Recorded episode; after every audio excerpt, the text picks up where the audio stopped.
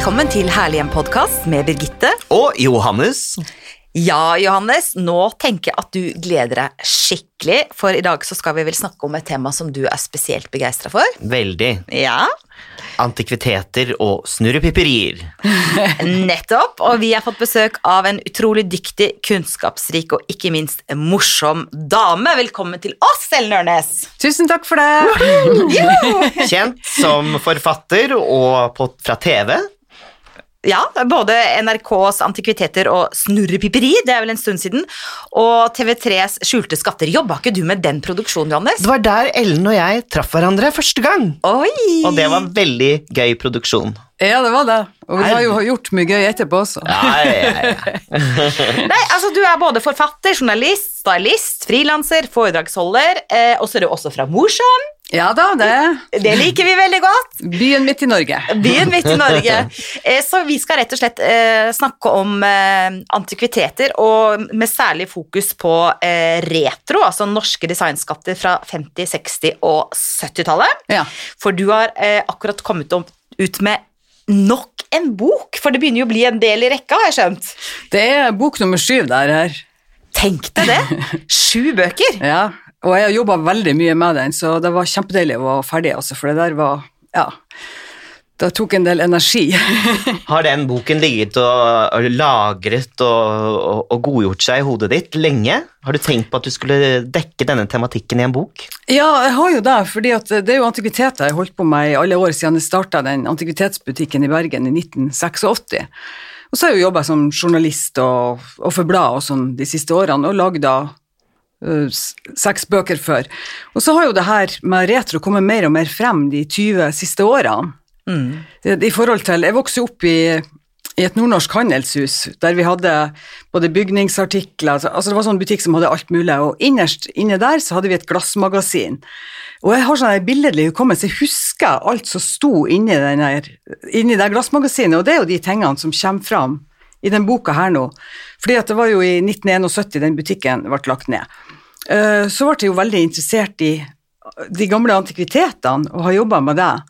Og da var liksom ikke retro Det er på en måte enten eller, lite grann, ikke sant? Ja. Og så var jeg jo rundt og lagde reportasjer om retro, og da kom det her snikende inn for fullt, så det har lagt og ulma. Det er jo de siste 20 årene at det har kommet for alvor. Og på de siste, når vi lagde antikviteter og snurrepiperier på NRK, vi lagde jo 105 program. Å, Oi, herregud. var det så mange? Ja, det var det. Vi holdt på i løpet av ti år var de her fordelt. Det kom sånn i blokker.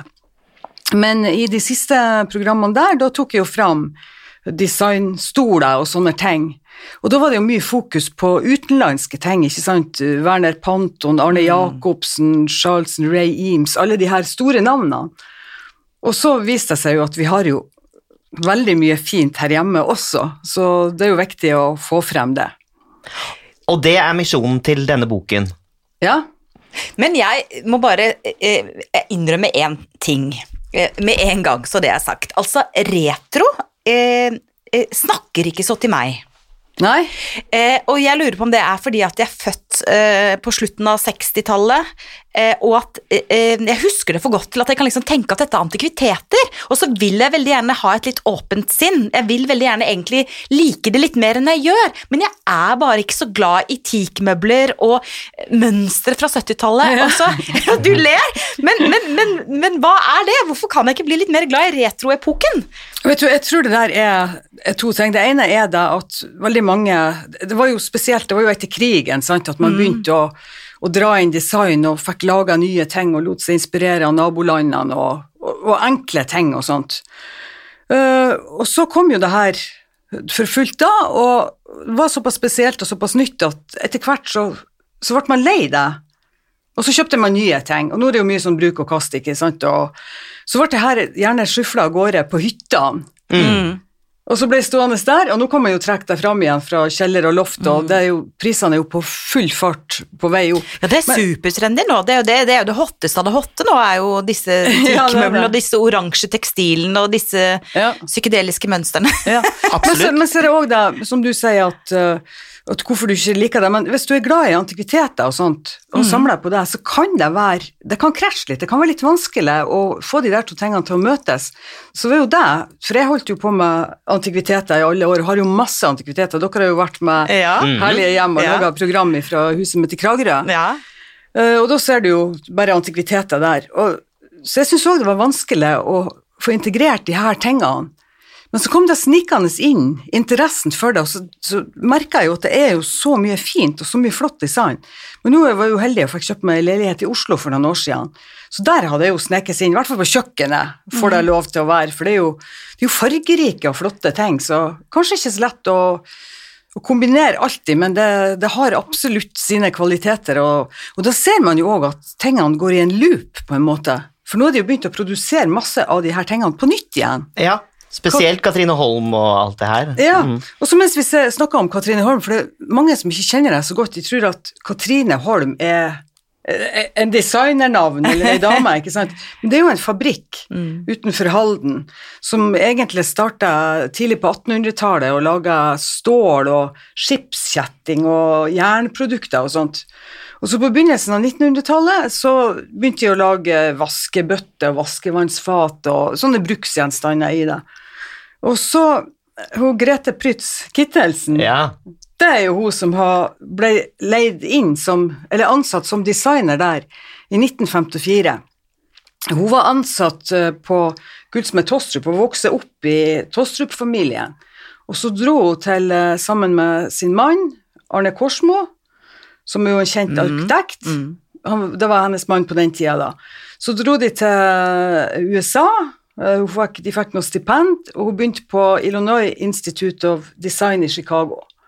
Og Så kom hun hjem igjen og, og lagde, hun ble inspirert av det hun så der borte, og lagde fantastiske ting for uh, Gullsmed Tostrup. Hun lagde bl.a. et fat som var 70 cm i diameter, som hun fresa og lagde sin egen metode for å frese mønster i bunnen på det, og så emulerte hun det.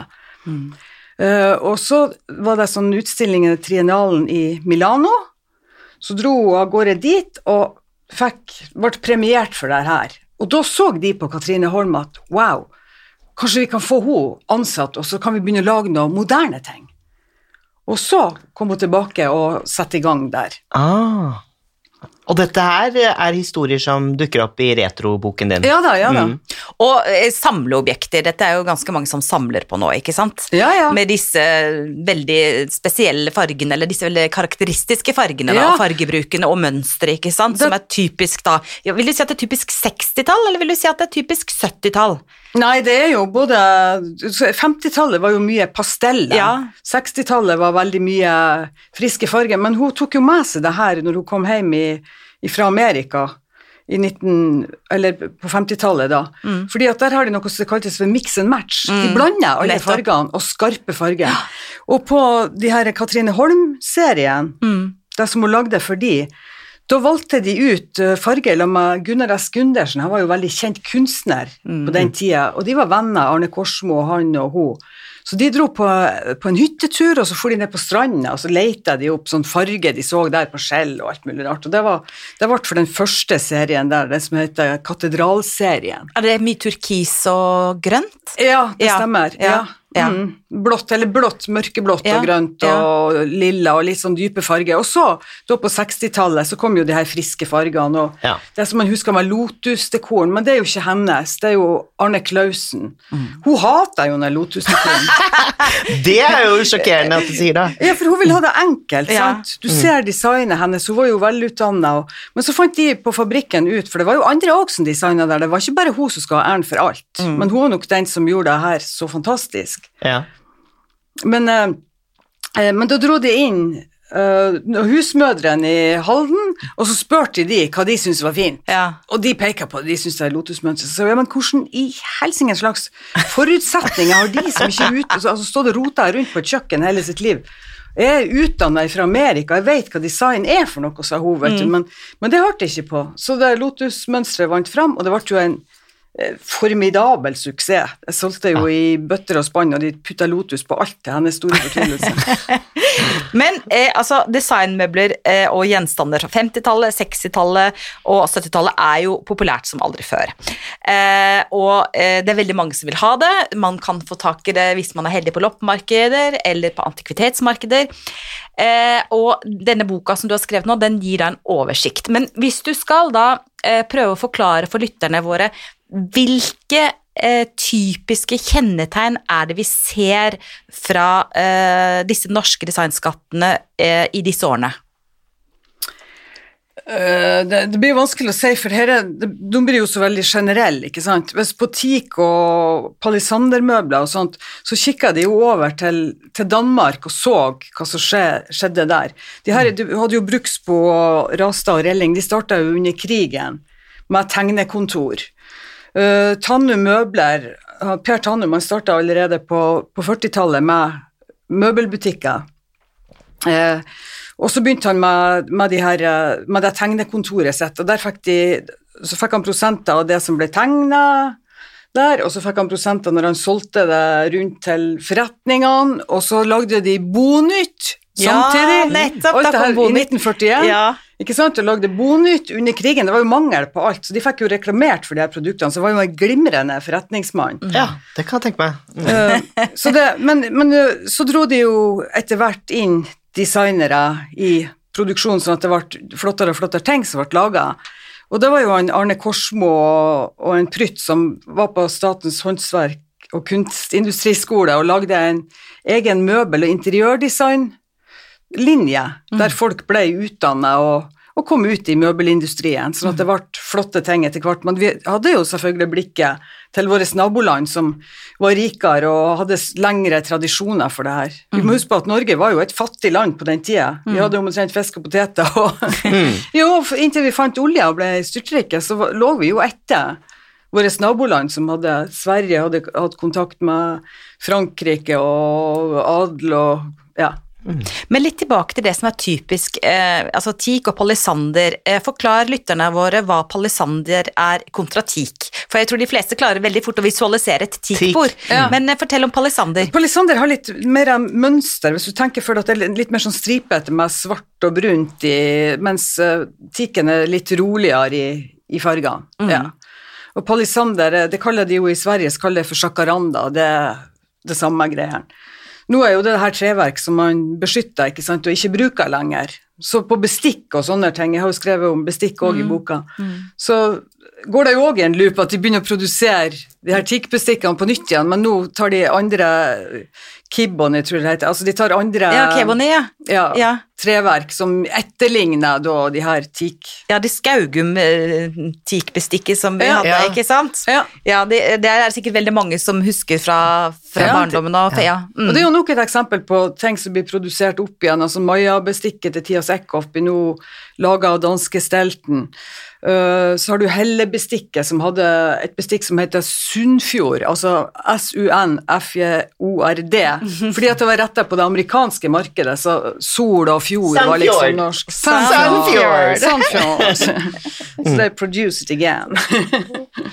50-tallet er mitt uh, favoritt tiår. Tenker jeg nok, du er en liten rocker, du, vet du. Åh, elsker, elsker, elsker. Og hvis jeg kunne få det som jeg ville, så hadde jeg hatt sånn diner-kjøkken med rutete gulv og Helpakka. Ja, de hadde kledd deg og kledd eh, hjemmet deres. Åh, oh, jeg hadde elsket det. Men jeg føler, altså, jeg syns det er veldig vakkert, uh, mye av det som er fra den tidsepoken. Men det er litt det du sa i stad, Ellen, at uh, jeg syns det er litt vanskelig å kombinere. For jeg er kanskje litt mer sånn liker kanskje det som er litt eldre. Mm. Eh, og da syns jeg kanskje det kan være litt vanskelig å kombinere. Jeg kan si, for eksempel, jeg kan synes det er veldig mye flott kun, eh, smykker ja, ja, ja. og glass fra den eh, tidsepoken. og flott, flotte emaljerte smykker fra 50- og 60-tallet. ikke sant? Sånn, det har jeg jo òg med i boka. ja, jo... og det er veldig morsomt, og det er også på en måte veldig sånn tidstypisk for den perioden. Og det er jo faktisk veldig inn igjen nå, bare sånn til alle fasjonistene der ute. Altså, brosjer er liksom the new thing. Ja, det er masse samlere på smykker. Det er store grupper på nettet, det er jo på Facebook og sånn, det er jo nesten alt.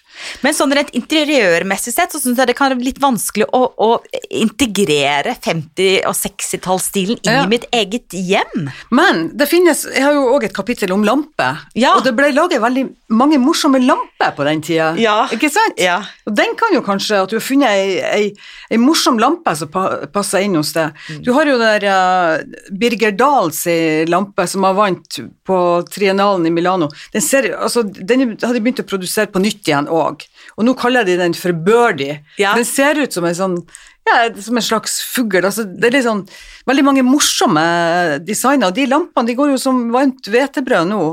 Northern Lightning produserer de på nytt, og den er jeg helt sikker på har gått inn hos deg. Den er i hvert fall gått inn hvor som helst hos meg blant antikviteter. Så det, er, det finnes ting der som lar seg kombinere. Men det er jo noen som heldyrker det, at alt skal være. Og da, og da kan du jo bare gå hjem og legge seg de som produserer nye ting, for det skal være fra tida òg, sjøl om den nye er mye billigere enn å få en original, og de ser helt make ut, så gjelder ikke det, altså, fordi uh, ihuga samlerne. Det er det originale som gjelder. Når du skriver en sånn bok som retro, hvordan går du fram? Altså, øh, hvordan begynner du på et sånt prosjekt? Nei, du må jo Tar du utgangspunkt i liksom de øh, designklassikerne og, går, og gjør et utvalg der, og så øh, på en måte forgrener det seg ut i historier rundt fra Ja, du må jo, du må jo grave og, og finne historier. Og så eksempel gamle Bonytt, som du kan låne på biblioteket hvis du ikke får kjøpt det på et antikvariat eller noe sånt. Der står det jo alle de historiene om når de her tingene ble lansert, når de var på utstillinger i utlandet, når de begynte å selge dro til Amerika for å legge ut på salgsturné der med norsk møbeldesign når de, vil, når de hadde metta det norske markedet og skjønt at de kunne komme ut i verden. Så har du jo massevis av spennende serviser og sånt òg, og det er jo kjempepopulært nå. Figgjo og Stavangerflint. Ikke sant? Inger Våge for Stavangerflint og ja. Eh, og, det, og der er det òg så mye spennende. Så Inger Våge hun, jo, hun hadde sin helt egen stil på de, hun, hun tegna litt sånn eh, Hun malte, hun ble ansatt på Stavangerflint, og så lagde de ei egen sånn maleravdeling for henne, med kunstavdeling. Uh, hun lagde sine ting, og så fikk de plutselig ei bestilling fra Amerika på 20 000 sånne her pyntegjenstander, og da tok det jo helt av. Og da kom det ut i verden, ikke sant? Ja. Den fabrikken også. Og det er jo i dag store samleobjekter internasjonalt som kanskje er mer ettertrakta i, i Japan enn det er i Norge. Når jeg hadde lagd denne boka, og så forlaget hadde lagt ut på Instagram, tre dager etterpå så fikk Nordli i Stortingsgata ei bestilling på tre bøker fra Taiwan. Nei. Oi, så Skjønner gøy. du, det går Ja. kjapt. Det er, jeg sitter og blar i boka nå, det er en veldig estetisk og vakker bok, og for meg som er såpass voksen, så er det sånn, å, det der husker jeg bestemor hadde, og sånne gryter husker jeg at vi hadde hjemme, eh, og det er eh, masse som også er veldig sånn estetisk vakkert, sånn mokkakopper og litt mer sånn pastell, og som kanskje ja, er litt mer sånn, 50-tallet sitt pastell. sånn 50-tallet, er det- er ja, sånn- Jeg elsker det! Ja. Elsker det er noen sukkertøy eh, og veldig morsom bok. Eh, men så tenker jeg eh, Hvis man da skal tenke litt sånn eh, antikvitetsaktig, da, litt sånn investeringsmessig sett, at man hører på dette programmet og tenker sånn Nå skal jeg skaffe meg en original ting. Hva skal man se etter? Du, vet du, det her er jo vanskelig. Jeg syns man skal kjøpe med hjertet sitt. Altså, kjøp de tingene som man har glede av, og som blir stående der. Uh, så jeg, det går jo sånn i trender, sant. På, for, på slutten av forrige århundre høres jo jækla lenge ut siden. Men på slutten av 1900-tallet så var jo bondeantikvitetene det treet som nesten vokste inn i himmelen. Det ble jo noen sinnssyke priser på det. Det tok fullstendig av. Og det var jo ting som hadde vært ute på landsbygda i Norge. For øvrig så har vi så fine bondeantikviteter i Norge, det er mye finere enn vårt naboland. Så det er, noe vi kan være stolte av. Ja, ja. Men da ble jo det her dratt inn i Frogner-leiligheter, var full i det som var bondekultur fra før, og det var liksom det hotteste hotte. Og hvis noen i dag har arva noe sånt, og så skal de selge det plutselig på en auksjon, så kan de, så kan de få en tiendedel av vurderinga, så de vet at foreldrene har besøkt, og da føler de seg jo lurt. Så, så ting går i, i bølgedaler, men så er det jo ja, men likevel, det må sies når vi først prater om bondeaktiviteter, at de beste tingene, de holder seg alltid, og de får man godt betalt for i dag òg. Og apropos vonde antikviteter, vi har fått et spørsmål fra en eh, lytter her som jeg skal lese opp. Eh, Ja, for eh, vi postet det på Instagram i forkant av podden nå, Ja. eh, og sa at du skulle komme, og da sendte folk inn spørsmål. Ja, og her kommer det da et fra Kristina Johansen, som skriver, jeg leser hele, for vi får litt skryt, så jeg tar med det altså. Hei, jeg bare elsker podkasten og TV-serien deres. Å, så koselig. Håper, dere kom, håper det kommer flere sesonger hjerte. Spørsmål. Vi overtar en gård der det er en god del gårdsmøbler. Det ene skapet som er malt, er visst veldig gammelt, men vi aner ikke fra hvilken tidsepoke eller verdi. Stemmer det at alt av gamle møbler som er malt, mister mye verdi? Hvor lønner det seg å henvende seg for takst av gamle gårdsmøbler?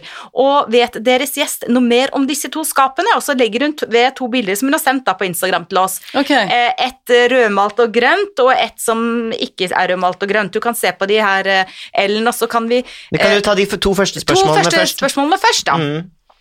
Er det sånn at, eh, at verdien senker seg på, på gamle møbler som er malt? Du, det her er jo Her er jo to svar på det der. Ja. Du kan si at de gamle bondeantikvitetene som er rosemalt av originale rosemalere, de har jo en mye, mye høyere verdi enn hvis de er umalt. Men hvis du tar et møbel som har vært umalt, og nymaler det, Mm. så taper du verdien. Skjønner du? ja, og jeg syns det ser ut som det på det bildet her. Da viser jeg Ellen eh, det ene bildet her. Eh, det syns jeg, uten at jeg overhodet er ekspert. Nei, fortell om det. Nei da, det her, er, det her er jo helt tydelig nymalt, og da hadde jeg tapt verdien sin. Åh. Veldig mye. Ikke hele verdien, men altså det her er det, Samlere vil ikke ha sånt. Nei, Det her er Kristina, så det hyttemøbel. ja. Og så ligger det et bilde til der. Eh, skal vi finne fram det også? Ja, Jeg tror jeg ser det her. Ja, hva med det? Eh, det her eh, ser jo ut Men det her er jo ikke så fryktelig gamle ting. Men det her ser ut som det har vært utsatt for det der uh, lutehelvete på 70-80-tallet. Ja. Og det, apropos i samme momentet, det er jo noen ting som visstnok kommer og er like rundt hjørnet nå. Altså Nå har vi hatt og palisander og, Mm. og de her eh, retro designmøblene, og nå kommer furuhelvete tilbake igjen. Men det ble jeg veldig glad for, for jeg har jo kjøpt en hytte nå på Femunden, og det ene hovedrommet der er furu helvete. Men det er så høyt under taket der, og det henger sammen. Det er et interessant rom med gøyal liten sånn bro over. snakker- Man orker ikke tanken på å begynne å male. Jeg har malt gjesterommene og de tingene der. Nei, det men- blir hypermoderne om Men når ikke så dere altfor snakker om furuhelvete, er det da inkludert den luteperioden? Ja, altså det, for det var jo da at det var så populært med hvitt panel, trehvite møbler Og på gulvene, vi luta jo gulvene. Og, og alt. Og da, i, i dem og mange, så røk jo fryktelig mange ut av de her flotte, gamle bondeantikvitetene som var originalt rosemalt, Mm. pga. at folk drev jo på og dyppa de òg, og luta de, og smurt på lut og herja på. Men er ikke det generelt et råd, eh, uten at jeg kan så mye om dette her i det hele tatt, men, men hvis det er noe som er originalt, la det være som det er. Ja. Ikke mal over eh, håndmalte, rosemalte skap. Ikke lut et gammelt tretrau som du har fått tak i. Ikke eh, mal noe som er fra eh, en periode der det har blitt skallet eller avflasset. Hvis du har vakre, gamle speil som er i metall, eller, og speilet er eh, skjoldete, Ja. så la det være i fred. Ja, ja, for det er, Er du enig av, i det? Ja. det er jo en del av historien, ikke Mm. sant? Og denne patina kan jo være det aller vakreste, altså det der når det er Mm. slitt og, og vise at det har vært et elska møbler i årtier. Men, men er det sånn at vi i Norge er litt sånn lite bevisste på våre egne eh, skatter? Jeg tror jo vi er i ferd med å bli ganske bevisst, både når det gjelder bondeantikviteter og retro og hele fjæra. Altså. Mm. Eh, Og det er jo det som er artig med at det er blitt sånn fokus på, på norskproduserte ting, og sånn samlerinteresse rundt det.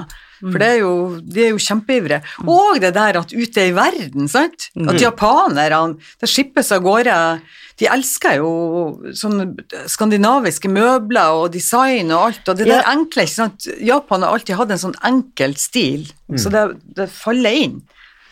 Ja, ikke sant? Den nordiske stilen blir mer og mer populær, og da blir man jo mer interessert i historien sin også, Ja, tenker jeg. ikke sant? Ja. Kan vi ta et spørsmål til fra en eh, lytter, eller? Og det er Helene, eh, som er veldig glad i eh, teakmøbler. Eh, og hun lurer på hva er den beste måten å behandle teakmøbler på så de holder seg pene? Altså, Joniolje er jo et enkelt, eh, et enkelt tips, men så er det jo, det kommer jo litt an på. Jeg fikk eksempel et brett hos ei venninne av meg som det var sånne store ringer på det, for altså, hvis man setter ting på det, så blir det jo fort merka og sånt. Og da tok vi og pussa det ned med, med fint, fint sandpapir, og så olja det opp igjen med Fuginol, tror jeg det heter, et sånn svensk eh, produkt som er kjempebra. Det er mulig at noen av de her interiørbutikkene, nei, noen av de her design, og de som driver med retro og design, har det og selv. Jeg tror det heter Fuginol, det er glimrende. Men så må man jo være kjempeforsiktig, for at mye av teaken er jo bare finert. Og Ja. hvis det er finert, så betyr det at det ligger et yrtynt lag oppå, så hvis du begynner å puste, så går det til helsingen med en gang. For da puster du gjennom, og så kommer du på et annet treverk under.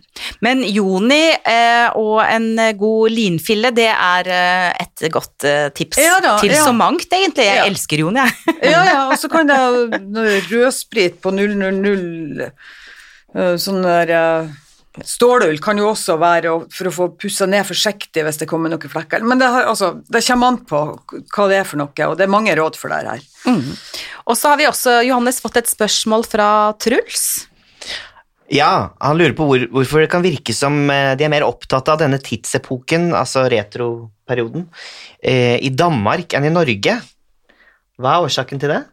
Årsaken til det er kanskje at folk sitter og ser på det danske programmet som går Ja, det det. på, på TV-en, for det blir Mm. Men, men altså, Danmark har jo mye lengre tradisjon for det her. Mm. Det var jo de norske, når de begynte å bli utdanna på Statens håndverk- og kunstindustriskole, så så så de jo over til hva som skjedde i Danmark. Ikke sant? Man lærte av Danmark og til det Sverige og Finland, så vi lå jo et stykke bak de, så der vil jo være laga mye mer.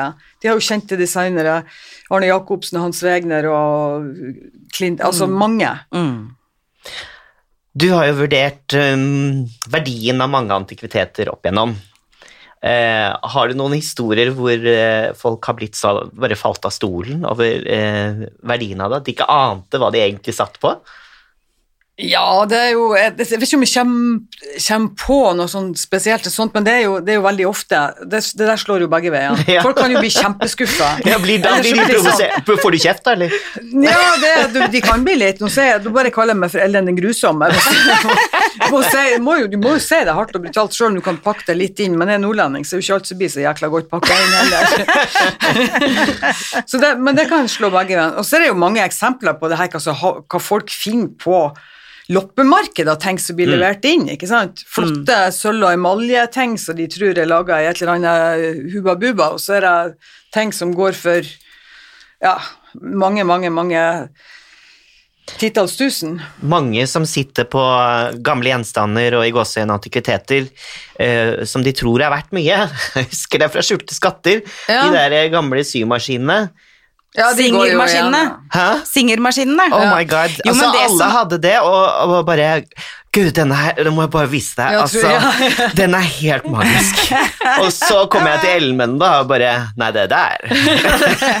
Det er bare noe skit. Ja, det er bare- Og Men- bøker er jo heller ikke noe Da må Og hva du tror hvor mange gamle bibler altså, Ja. folk kommer med de har sånn dollartegn i øynene og tror at denne bibelen fra 1700-tallet er verdt eh, hundrevis av tusen men- Det er ingen som kaster en bibel, vet du. Så Nei, men så kan man jo også si at eh, altså, jeg vil slå et slag for singersymaskinene, og særlig de stativene til uh, singersymaskinene. Det er singersymaskinene, det er Sånn, vanskelig eh, ord. rips Fordi én ting er jo å tenke verdi, men en annen ting er jo å tenke hva man liker, og estetikk. Og hvis man tar inn noe som har litt gammelpatina, da, så gir det jo eh, faktisk eh, hjemmet eller leiligheten eller hytta en ekstra dash sjarme, da, som er noe som kanskje ikke er kjøpt og betalt på en masseprodusert eh, bedrift. Så jeg tenker at Du får eh, jo en helt annen sjel inn i hjemmet ditt når du har At det ikke ser ut som en sånn her eh, katalog fra et eller annet boligvarehus. Ikke sant? Absolutt. Og, og, det, og det så man jo i de årene der alt skulle være kvitt, hvor alle interiørbladene i Norge holdt jo på i tiårsvidt med kvitt, kvitt, kvitt, kvitt, kvitt, Ja. kvitt, kvitt. Mm. Det var litt sånn vi- vi- 90-tallet. Vi har levd litt vår egen verden her. Og så hvis man bare ser over til Sverige Jeg bruker å være på de der Stockholmsmessene, det er jo helt fantastisk, den antikkmessa i Stockholm. Og der er det jo populært, altså. Det er jo siste det hotteste du kan få, er jo 1700- og 1800-tallets fine møbler og, og designmøbler fra retroperioden og alt. Og, Mm. Så der tenker de individuelt. De tør å, å skape der ditt hjem gjør det personlig, ikke sant? Det er jo en, Du, Er den antikvitetsmessen der åpen for alle, eller må man være Du er hjertelig velkommen der. Har vi vært gjennom en litt- litt sånn mørkeperiode i Norge, hvor eh, vi har vært, vært litt for shabby chic og hvit? Ja, det har, vi har jo vi har levd på vår egen planet her hjemme. Du, det ser du jo hvis man blar i et, i et eh, interiørblad fra andre land på samme tida, så skjer det jo andre ting enn det gjør her hjemme på berget. Vi, er, vi lever i vår egen lille oljeboble, skjønner du. Men hva er din eh, favorittepoke, da, sånn stilmessig sett? Har du en Altså Det som jeg syns er utrolig vakkert, det er det gustavianske. Ja! Ja, Som du finner i Sverige. ikke sant? Det, Mm. det var jo det bondske svenske mm. Bondemøblene blanda seg med det som kom ifra Louis Louis XVI, ja. eh, det franske, og så ble det til gustavianske. Du, er ikke det litt interessant og rart, for det lærte vi akkurat, eller jeg lærte i hvert fall akkurat, at, for Louis Cés har vi jo hørt om, ikke sant? Men Ja. jeg visste ikke at gustaviansk stil eh, mer eller mindre var det samme Jo, men som det er bare Louis at XVI. de de oppkaller det etter kongen sin. Ja. Ikke sant? Gustav. Kong Gustav. Kong Gustav, og sånn så er det- og så er det Louis ser og så er det litt annet. Ja, Louis C.S. der. Altså, man kan jo kalle en periode for hva man vil. Mm, men, men gustavianske eh, møblene er vel kanskje litt mer pastell også enn det klassiske Louis C.S., er det ikke det? Jo, det, altså, de er veldig glad i grått og sånn lyseblått Mm. og altså sånn lette, lyse Svenskene, de, er, de har alltid vært det. lekne. Jeg tenkte på Ja. med Bellman og de her sangtradisjonene og de er Å, jeg elsker bare Sverige, altså. Jeg hadde veldig mye øh, reist mye og jobba der for Visit Sweden og hatt fantastiske turer, og jeg savna det. Jeg elsker Sverige. Men så eh, tidsepoken fra 1750, 1760 til 1810-1820 da, er liksom din yndlingsfase. det- ja. Og de fortsetter jo med den her gustavianske Altså at de lager møbler i den tradisjonen, har de Mm. gjort hele veien. Så om man ikke har råd til å kjøpe akkurat de som er ifra tida rundt Rundt da, så kan man jo kjøpe noe som er laga senere, som også er vakkert, men som er i samme tradisjon. Mm. Men jeg har sett at det er overraskende mye å finne på annet Finn, av det som er en sånn litt gustaviansk stil, som ikke Ja. er dyrt. Ja da.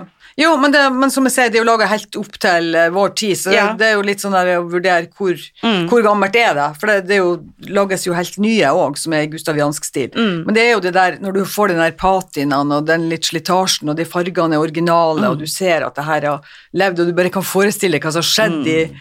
i de her rommene det har stått, og ja. Herlig. Johannes og jeg har jo vært så heldige at vi har fått eh, eh, filmet i ditt eh, fantastiske hjem, og det var jo Sesong tre. Ja, På Dplay ligger episoden fra hjemmet ditt. Ja, ja, ja, Mm. Så der er det bare å gå inn og se gratis, rett og slett. Mm. rett og slett. Og så var det eh, veldig innholdsrikt. Ja, Og kan du ikke kort fortelle historien bak huset ditt? Jo, jo, altså Først fortell hvor det, hvor det ligger. Ja, det ligger i, Kragerø. Den gamle politimestergården i Kragerø. Og troner over hele Kragerø by. Ja. Og det som holder med der, det er den fantastiske hagen, for den ligger fire etasjer nedover. Huset er jo galskap, fordi at det er 320 kvadrat med bolig, og så er det 200 kvadrat med politistasjon ved siden av. Jeg har to fyllearrester i kjelleren, jeg har et uh, jækla stort bankhvelv. Ja, så bare pass deg. Du har vært på besøk. Jeg har vært på besøk. Du har vært i fyllearresten ja, ja, ja, ja. Fantastisk hjem. Ja, Mm. det var eh, er veldig fantastisk. Hvis du skulle velge deg ut én ting, da, jeg vet at dette er fryktelig vanskelig for deg, Mm. men én ting i hjemmet ditt eh, som betyr spesielt mye for deg, hva er det? Eh, Det er faktisk et lite fransk trykk fra 1700-tallet i en nydelig forgylt ramme fra samme tida, som jeg kjøpte på et marked i Frankrike. Når du var på en, en tur og lagde reportasje derifra. Mm. Uh, det her var jeg så glad i, så mannen min tok for noen år siden, så fikk han laga tapet ut av det her, som vi har på soverommet. Jeg vet ikke om du husker det? Jo, det husker jeg. Ja. Så hele Det er liksom sånn engler og moriner og englebarn og i sånn duse farge som lot seg forstørre opp så mye som det der. Det, det kommer, når jeg flytter derifra, Kragerø, så kommer jeg til å få laga den tapeten på nytt og ta den med meg, for den bare elsker jeg. Men du, for en utrolig god idé. Hvordan gjør man egentlig det? Altså Hvis man da har et vakkert, gammelt tekstil, hvordan får du det til å bli tapet? Nei, det her er jo ikke tekstil, det er jo et trykk. Et trykk? Og det er jo ikke, det er jo overhodet ikke alt som er For det originale bildet er jo kanskje bare 20 ganger 15 cm, Ja. så det er jo ikke alt som, som går an å forstørre så mye opp pga. piksler og sånne ting. Mm. Men det her var en sånn tegning som som det lot seg gjøre, altså selv om det blir blåst opp, så funker det. Mm. Og det kan man, jeg tror han bestilte det fra Tyskland da, men det er sikkert andre som kan gjøre det nå. Det kom en sånn remse som man satte sammen til. Kult. Så det er jo en, det er en god interiøridé, ja. Ja, veldig. Jeg husker det soverommet uh, veldig godt. Romantisk, vakkert. Og så hadde du jo da en liten butikk i huset ditt. Har du fortsatt det? Nei, jeg har ikke det. Det Har ikke? gikk så mye tid med det, men nå Jeg mista jo jobben i, i hjemmet i mars. uh, som jeg hadde levd av i 14 år, for det meste, så da måtte jeg snu meg rundt og finne på noe, så da lagde jeg sånn at jeg bare leide ut Ja. eh, på ukesbasis der for å få inn noe ja, Mm. i sommer. Så det er ikke noen butikk der nå, det er det ikke. Men, eh, Fordi det- jeg vet ikke om du husker dette, men jeg endte opp med å kjøpe noe i Ja. den butikken. Det tror Hva var det igjen? To, jeg husker det, det var to sånne franske eh, vindus... eh, Hva heter det? Ja, vindu, vinduskodder. To Vinduskodder, to gamle flotte- franske, ja, grønne, nydelig grønnfarge. Nydelige. Ja. eh, og Du er sånn som blir det like grønt. Du har alle grønne klær på nå. elsker det. De er sånn fantastisk sånn eh, blåturkis grønnfarge, og de har jeg på hytta på Sørlandet, og jeg bare elsker Ja, de. ja, ja. og da tenker jeg på deg, vet du. Ja, ja, ja, ja, Det så bra. Det er hyggelig, det. Hyggelig med sånne minner. Og nå har du altså syv bøker i omløp. De seneste er da Ta vare på arvegodset. Ja, den boka lagde jeg på eget forlag. Den er jeg veldig glad i. Det er over 1000 bilder i den, og det er priser, og det er tips og vedlikehold, og det er om antikviteter. Av Antikviteter. alle slag. Ja. Ja.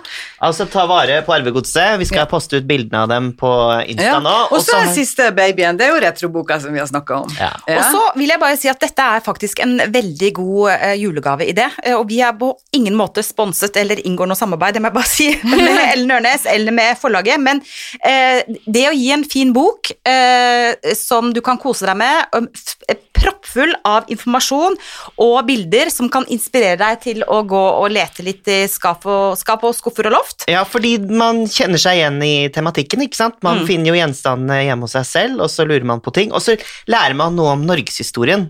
Ikke sant? Og det er jo litt kult. Røttene sine. Kunnskap er aldri feil. kunsthistorie. Ja. Og så er de såpass vakre, vil jeg si. Nå er det to Og så er det alltid deilig med en bok man kan hoppe litt fram og tilbake i. Man kan bla litt sånn innimellom og legge den fra seg, og så og, Ja. gå inn igjen. Det er litt sånn digg, syns jeg. da. Ja, Og så vil jeg komme med en liten oppfordring til alle interiørentusiaster der ute. Eh, Dette er også veldig fine coffee table books. Du må ikke ha Chanel-boka liggende framme, vet du. Det var bare mitt lille personlige. Dette er norsk historie, eh, norsk design, norsk eh, bok, norsk forfatter. Det er litt kulere. Det er faktisk litt mer edgy, folkens. Men du Johannes, nå har vi lært mye. Det er så koselig å ha besøk av deg. Det er så lenge siden. Ja, vi må finne på noe sprell Ja, snart. finne Ja, veldig gjerne. Ja, Spørs om du ender i den der fengselscella igjen, da. pleier å gå den veien. Sånn er det. Men, men Johannes, nå har vi lært mye. Mm, definitivt. Skal du ha meg til å oppsummere nå? det klarer jeg ikke. Eh, og jeg håper at eh, du og dere som har lyttet på også har eh, lært mye og har blitt inspirert. Tusen takk for at du kom, Ellen Ørnes. Om en uke er vi tilbake, Johannes, med ny pod. Det er vi. På gjensyn. Takk for meg, det var veldig hyggelig. Tusen takk for nå, og husk, folkens, eh, ta vare på ditt herlige hjem. Stort eller smått.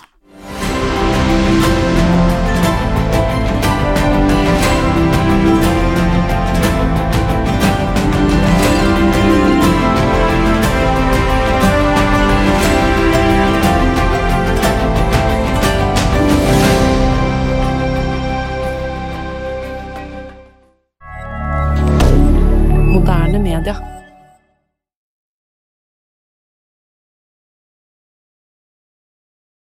Har du et enkeltpersonforetak eller en liten bedrift? Da er du sikkert lei av å høre meg snakke om hvor enkelt er med kvitteringer og bilag i fiken, så vi eh, gir oss her, vi.